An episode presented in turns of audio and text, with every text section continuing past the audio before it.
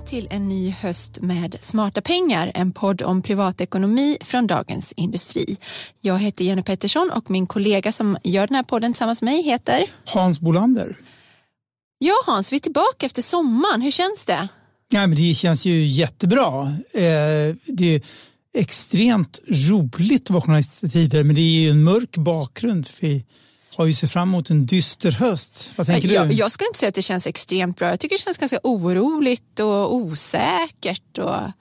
Det beror på, det beror på vad, vad, vad, man lägger i frågan men, eh, men om man bara ska titta på det ekonomiska läget så är det ju stor osäkerhet inför hösten. Det kan vi slå fast. Jag menar med extremt bra att vara tillbaka som nyhetsjournalist i, ja, nu under ja. hösten när det händer så här mycket. Ja. Och då kan vi inte lämna lyssnarna och läsarna i sticket heller. Nej det kan vi verkligen inte. Vi har ett extra stort ansvar i sådana här tider, eller hur? Absolut. Mm.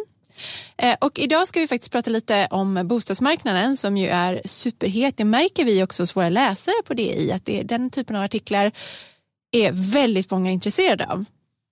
Och idag ska vi prata en del om eh, amortering och vad som händer med lånen nu och inflationen och sådär. Eh, och så ska vi också komma in på bedrägerier, någonting som fortsätter att växa, investeringsbedrägerier och bedragarna blir allt mer raffinerade. Men en ny dom kan innebära nya, för, nya förutsättningar för hur lätt det kan vara att få tillbaka pengarna man har förlorat i ett bedrägeri. Spännande. Mm, det ska vi också komma in på. Men du, vi börjar med det här med bostäder då. Bostadspriserna har fortsatt att sjunka under sommaren och det kom en prognos nu, en färsk prognos från Nordea. De pratar om ett ganska rejält fall från toppen till botten. Ja, vad, alltså vad de, är det de säger? Deras prognos är 15 procent från mars i år fram till, eh, ja, till vad de tror boprisfallet kan vara slut. Då. Ingen vet ju naturligtvis men eh, det är många, mycket pekar på att eh, bopriserna faller under hösten och sen så när Riksbanken har slutat höja så då växer i alla fall inte räntorna för hushållen och det kan ge en viss stabilitet. Men det är också beroende på hur det ser ut i vår omvärld och vi har fortfarande jätteproblem med lågkonjunktur och höga energipriser så kan det ju fortfarande vara svårt att få många nog att vilja göra en bostadsaffär helt enkelt. Det man kan säga är att bankerna och andra eh, prognosmakare har ju fått ändra de här prognoserna flera gånger. Ja. Att, och, och, nu 15 procent, är ju mer kanske än vad någon trodde för ett halvår sedan. Och så där. Så att, vi vet inte hur det kommer sluta. Men i, samtidigt då som vi har de här sjunkande bostadspriserna så har vi en väldigt hög inflation. Och inflationens verkningar kan ju inte, det har ju inte gått någon förbi de senaste månaderna. Eh, inte om man har handlat mat eller... Nej, precis. Konsumentprisindex har stigit under våren och enligt de senaste siffrorna så ligger inflationstakten nu på 8 procent. Och det här ger ju vissa flashbacks till 70-80-talet tänker jag. Från mitten av 70-talet och ungefär ett decennium framåt så var inflationen mycket hög. Enstaka år faktiskt nästan upp mot 13, 14, nästan 14 procent. Ja. Där är vi inte riktigt nu. Men det låg ja, liksom mellan 8 och 12 kanske de flesta år. Då. Och på den tiden så hade det stor betydelse för bolånen för de urholkas ju då. Värdet på ja, bolånen, bolånen urholkas ju med inflationen. Men situationen idag ser lite annorlunda ut på flera punkter. Så man kan inte direkt jämföra, eller vad säger du Hans? Ja, nej, absolut. Det ser ut väldigt många punkter annorlunda. Då, det ska vara faktiskt avdragsrätten för lån ännu mera eh, förmånlig då. Så var den 50 procent? Ja, i princip ja.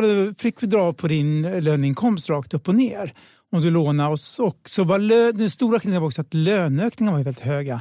Så att du fick, även om räntorna var höga och gick så fick du kanske 10-15 procents löneökningar eh, som du kunde betala de här räntorna med. Det är, en stora, det är ju en av de stora skillnaderna. Och idag har vi ju inte sådana...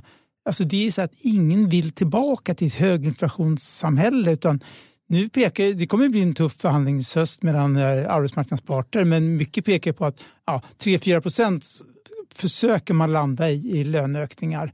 För att om man kompenserar sig för inflationen då bara blir det en ond spiral. Och, eh, så det är väl den stora grejen mm. tycker jag. Och sen måste man komma ihåg att bostadspriserna faller ju. Det är klart att det är, det är svårt att vara, vara glad och att, att lånen urholkas lite grann om, ja, om, om, om priserna, faller. priserna faller. För det är ändå det som är underliggande. Ja, för det hände inte då på 70 80-talet? Nej, det var inte... Det kom ju senare då. Exakt, mm. exakt.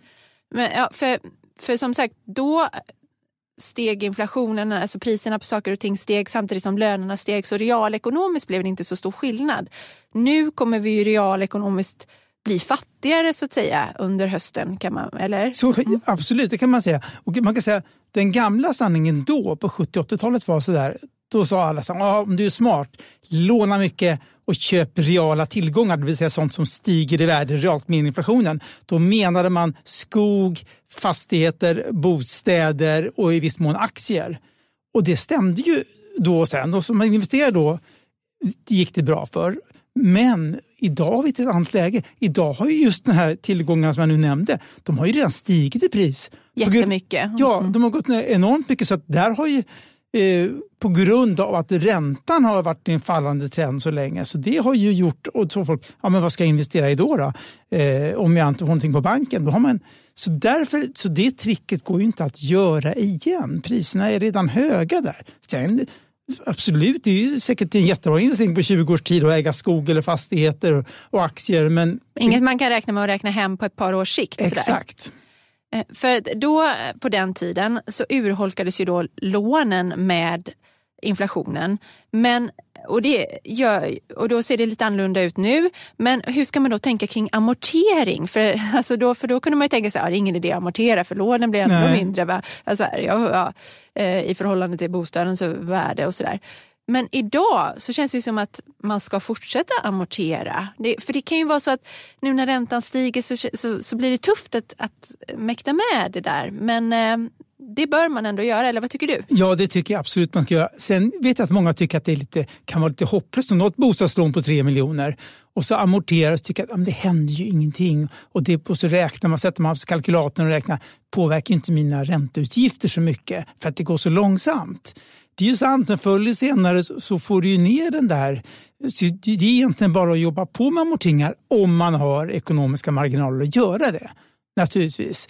Eh, så att jag tycker, det ökar ju säkerheten i en ekonomi. Den dag man kan man kanske vill flytta till något större eller dyrare och, och, eller flytta samman med någon eller något och då, då har ju du ett ökad möjlighet att ta ett större lån för att uppfylla dina drömmar då längre fram. Så jag tycka. Annars invaggas man och sen kanske det är lätt att använda, aha, istället för att ha ett par tusenlappar över varje månad till någonting eh, som du kanske då slösar bort något på nöjen eller resor eller något så tycker jag man ska amortera i alla fall en del av det här för att eh, det, det, är en bostadskostnad på sikt så du betalar ju till dig själv. Mm. Alltså, får jag bara skicka med ett räkneexempel, lite kul.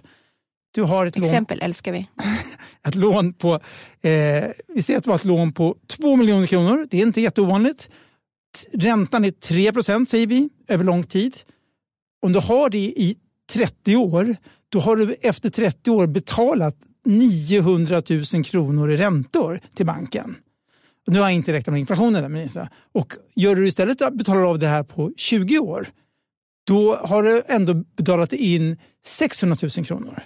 Så det, det Skillnad på 300 000 där. Ja, mm. så det är stora summor och eh, på, på sikt så, så är det bra att betala och amortera. Så det tycker jag det är verkligen jätteviktigt. Och sen ganska många hushåll har ju inget val för vi har ju amorteringskravet. som, där det, du måste amortera om du ligger över över 50 procents eh, belåning och, eller, eller har lånat väldigt mycket i förhållande till din inkomst. Men nu är det ju så att bankernas stresstester de eh, baseras ju på en ränta på 6,5-7 procent. Det är så mycket du får låna att du ska klara. Så att, så att hushållen ska ju klara detta. Ja. Men sen är det klart att då får man ju skära ner på annat och sådär.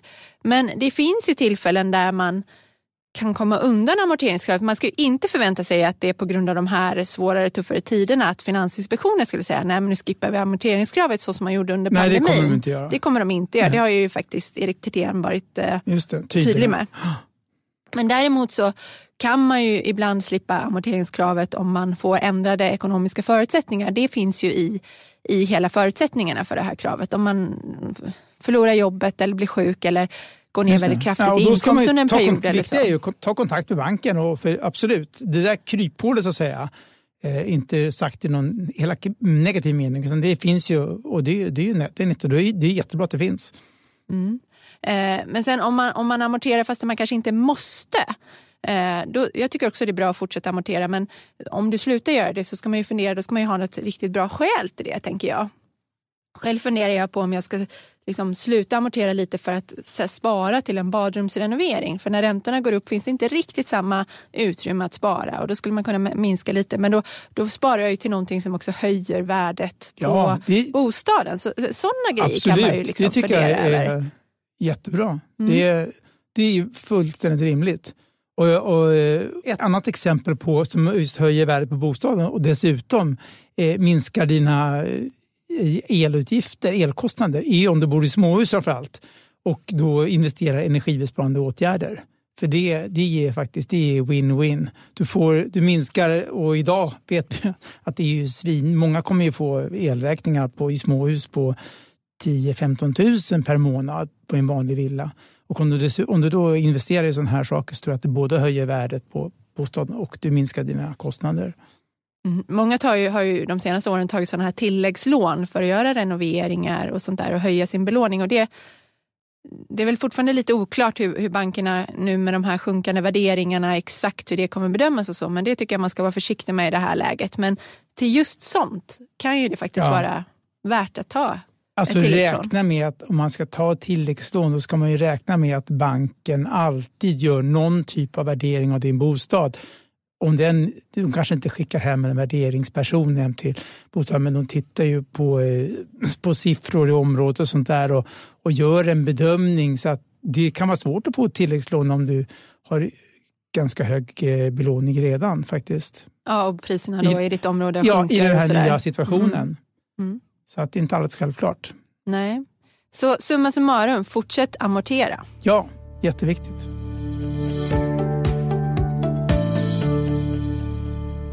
Vi byter ämne i podden och ska prata om bedrägerier. Under årets andra kvartal så ser Finansinspektionen att tillvägagångssättet för många bedrägerier blir allt mer avancerat. Det skrev de på sin hemsida för eh, alldeles nyligen. Bedragare, de, till exempel så bygger de upp trovärdiga investeringssajter där konsumenten då erbjuds följa utvecklingen på sina påstådda investeringar, investeringar som själva verket inte finns. Det här är ju ett tillvägagångssätt som har funnits under några år men det blir liksom, de blir skickligare och skickligare på det här och får det att se mer proffsigt ut och så. Eh, och, och, då får de liksom investerare att investera i både välkända och helt okända företag. Det här har ju varit en del kopplat till valuta och bitcoin och så. Men eh, nu finns det mm, även det. andra typer, alltså bolag man kanske känner till och sådär. Eh, ja. Och där, så har man ett konto där och så är det, finns det egentligen inte, allting är helt fiktivt. Men på det här temat då bedrägerier så har det under sommaren kommit en väldigt intressant dom i Högsta domstolen. Och det handlar om en person som blev av med 400 000 kronor i ett investeringsbedrägeri. Och hur blev den här personen av med pengarna? pengar. Ja, jättemycket pengar. eh, nej, men det som är spännande med domen det är att HD nu då har beslutat att banken, den inblandade banken som är Länsförsäkringar är skyldig att ersätta mannen och betala alla hans rättegångskostnader som också var flera hundratusen kronor. Sammantaget alltså väldigt mycket pengar. Eh, och man har ju ett eget ansvar att inte lämna ut koder eller inloggningsuppgifter, inte logga in på bank-id och så med, mot no när någon annan uppmanar till det. Men, eh, det är ju det, lite som att ge nyckeln till sitt eget bankfack. Ja, precis. Men det har den här personen faktiskt gjort. Den här personen har använt bank-id. Men då resonerar Högsta domstolen att det är liksom ett sånt raffinerat upplägg att han inte riktigt kan lastas för det här. Han erkänner själv att han har varit vårdslös men inte grovt klandervärd då, som är liksom ett nyckelbegrepp. Men jag ska berätta för dig vad som har hänt. Ja, för det, ja. Eh, för det är sådär, man, när man hör det så tänker man, men hur kunde han gå på det? Men jag tror inte att det är så svårt faktiskt. Att det är väldigt många människor som som gör det och oavsett vad man har för erfarenhet av ekonomi och sånt eh, sedan tidigare. Det har vi sett många exempel på. Kom ihåg att Eiffeltornet har sålts ett antal gånger som bedrägerier. Bara en sån sak. Hur tror man att man kan köpa? Ja, det är spännande. Men det som hände då var att en person har ringde upp och sa att han ringde från säkerhetsavdelningen på en av de banker som den här kunden då, eh, eller den här mannen hade ett konto hos. Uppringaren säger att mannen inte har besvarat ett brev, ett fysiskt brev som han ska fått hem som är kopplat till GDPR. Och det vet vi, det är GDPR, det ringer ju massa klockor. Liksom, att det måste man, där måste man godkänna saker och så. Och om han inte använder godkännandet då av personuppgifter så kan han inte få tillgång till sitt konto. Och mannen uppmanas då att ta sig till ett bankkontor för Aha. att eh, göra detta. Och då säger mannen, men jag har inte möjlighet att göra det de närmsta dagarna. Finns det inte något annat sätt vi kan lösa det? Och då kommer de in på BankID. Så bedragarens första Det var ju väldigt sofistikerat. Väldigt bra. Liksom, du, du, ska, det här, ja. du måste gå till ett bankkontor och så. Ja, men då loggar i alla fall den här kunden då in och godkänner det som kommer upp på skärmen. Men här står det då Länsförsäkringar och den här bedragaren har uppgett sig ringa från SEB som den här mannen också har konto hos. Aha. Men själva bank-id är kopplat till Länsförsäkringar och då eh, ja, på något vis lyckas den här bedragaren förklara bort det här då så att eh, och sen så får han information då, den här kunden eller mannen, om att du, ditt bank-id det är gammalt faktiskt. Du behöver förnya det. Jag ser det här nu när du loggar in mm. att det, det kommer inte fungera. Och då genom olika turer, de pratas vid vid flera tillfällen, så lyckas då den här bedragaren beställa och logga ner ett nytt bank-id i den här mannens namn. Och därigenom få tillgång till alla hans konton hos Länsförsäkringar. Och då försvann pengarna? Då försvann snabbt. 397 000 tror jag att det var. Ja. Eh, men som sagt, det var inte bara ett samtal utan flera samtal. Han har byggt upp ett förtroende. Och, eh, och det är just det som HD riktar in sig på då. Att, eh, att liksom vad man den här kunden än har haft för frågor så har bedragaren haft svar på dem, svar som har låtit rimliga i stunden mm. och, och sådär. Och då skriver HD så här. Det är alltså att eh, just att mannen erkänner att han har agerat vårdslöst men inte klandervärt. Det är emellertid inte bevisat att han i samband med de båda samtalen avsiktligen lämnade ut koderna till en obehörig person. Det kan inte heller anses bevisat att XX då agerade som han gjorde med insikt om att det fanns en risk för att de obehöriga transaktionerna som kom att utföras. Då. Eh, och jag tycker att det här är jättespännande för vi ja. har ju följt fler, vi har ju tittat på massa sådana här fall hos Allmänna reklamationsnämnden. Och generellt är det ju så, det ska vara till väldigt speciella omständigheter för, ja. att, för att man ska få tillbaka pengar eh, eller att Allmänna reklamation, eh, reklamationsnämnden ska rekommendera att man ska få tillbaka pengar när man själv har lämnat ut sina uppgifter. Ofta går det ju de här bedragarna på äldre personer ja, som inte ja, riktigt förstår exakt. och sådär. Men nu har HD ändå slått fast att fastän han har gjort det så, så har han ändå rätt att få de här pengarna. Och det blir väldigt spännande att se vad den här domen får för effekter. Man kan ju tänka sig att många fler får tillbaka sina pengar men man kan också tänka sig att bankerna måste tänka till kring bank-id helt enkelt. Ja, så för jag, tänker, men jag undrar så hur de tänkte på HD. Tänker de att då banken borde ringa upp en kund inför varje större överföring? Det, kanske, det är väl inget orimligt krav att ställa men det blir väldigt trögrörligt och det blir mycket jobb för banken naturligtvis. Och vad sätter man för gräns och sådär. Så att, eh, ja, det som säger, det blir jätteintressant. Det kan ju bli så att, att det, det blir ett sämre värde i det här andra bank-id om man inte kan ha det till, sånt, till stora saker utan bara till små. Ja. Mm, det kan komma kanske olika steg med ytterligare bekräftelser och kontroller. Ja, och, ja, men ja, även digitalt, ja. vad det nu kan tänkas vara. Det har jag svårt att se framför mig. Men det här blir ju någonting som vi får följa framöver i alla fall. För ja, ja, jättespännande. Bedrägerier är ju ett mycket stort eh, problem ja. för många. Ja, men då, jag, alltså, jag, vet, jag, jag skrev på 90-talet var jag åkte ner till Tyskland med, med en fotograf. Då var det tysk, en tysk firma som sålde, de, de specialiserade sig på att ringa till svenska tandläkare. De kommer låt den här förmögenhetstaxeringskalender som fanns då, ja, vilka hade mycket pengar och sådär. Så ringde runt. Tandläkare var, tandläkare var målgruppen. Så, Spännande. I, i, I hela Sverige. Ja, och så sålde de in några tyska värdepapper och så gjorde de massa sådana här fiktiva, det är ju klassiskt, Ja, sätt in pengar, så börjar en liten summa, sätt in 10-20 000. Ja, titta här växer ditt konto, de fixade kontoutdrag och allting. Och, och sen när det var uppe i större belopp, ett par hundratusen och sådär, då, då, eh, då, var, nej, då kunde de inte få tillbaka pengarna. Nej, men det här har gått dåligt nu. Så, och så åkte vi ner det här och kollade och det var bara en postbox eh, som tyska polisen visade oss. Och då så var det en tom lagerlokal där det hade varit. Men, men det, var, det var också otroligt sofistikerat gjort. Mm. Att, och eh, alla bedragare det... anpassar sig till sin tid. Ja, exakt, så nu är det de, här, det här, de digitala bedrägerierna ja. som, som och dominerar. Som sagt, de blir skickligare och skickligare. Mm. Men även om det nu finns den här domen som kanske öppnar möjligheter för, för den enskilde att få tillbaka pengar så gäller ju samma förhållningsregler. Att man ska definitivt inte använda sitt bank-id på någon annans uppmaning. Nej. Aldrig. Nej, exakt. Det, det, är, det är ju no-no. Och sen det finns den andra regeln som du och jag pratar ofta om att låter någonting för, för bra för att vara sant när det gäller investeringar så avstå. För att det, det finns liksom inga genvägar till de säkra höga avkastningarna. Nej, noll risk. risk. 50 procents avkastning. Ja, ja, ja. Glöm det, då är det Eiffeltornsmannen som är framme. Du var ju i Frankrike i somras, du var inte sugen på vet, någon som approcherade dig med att och köpa Eiffeltornet? Ja. Nej, det var ingen som gjorde det faktiskt. Jag nöjde mig eh, med att köpa en nyckelring med Eiffeltornet ja, på. Det... Den kostade en euro. Så att vi, ja, det var ja, jag tror att vi, det var nog lagom. tror jag. Det var Smarta pengar för den här gången. Vi är tillbaka igen om två veckor med massa bra tips inför hösten och hur man ska tänka. Och då har det ju faktiskt varit val. Ja, det blir väldigt spännande. Tyvärr verkar det som att det blir ännu ett osäkert läge så vi får se. Ja, vi kanske inte har någon som helst aning om vem som ska styra Sverige då, eh, om två veckor. Och än mindre om vad det blir för ekonomisk politik. Nej, men vi kan spekulera lite. Ja, i alla fall. det får vi göra. Det kommer vi göra och eh, också komma med massa handfasta råd och tips.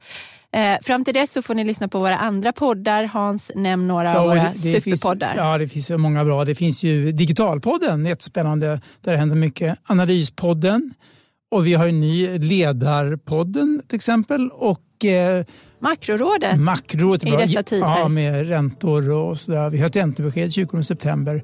Så att, eh, ja, det finns ju hur mycket som helst. Och dagliga poddar och nyheter och tv också finns det. Så lyssna på hörni och eh, så hörs vi igen. Eh, Smarta pengar redigeras av Umami Produktion och ansvarig utgivare är Peter Fällman. Tack och hej! Hej då!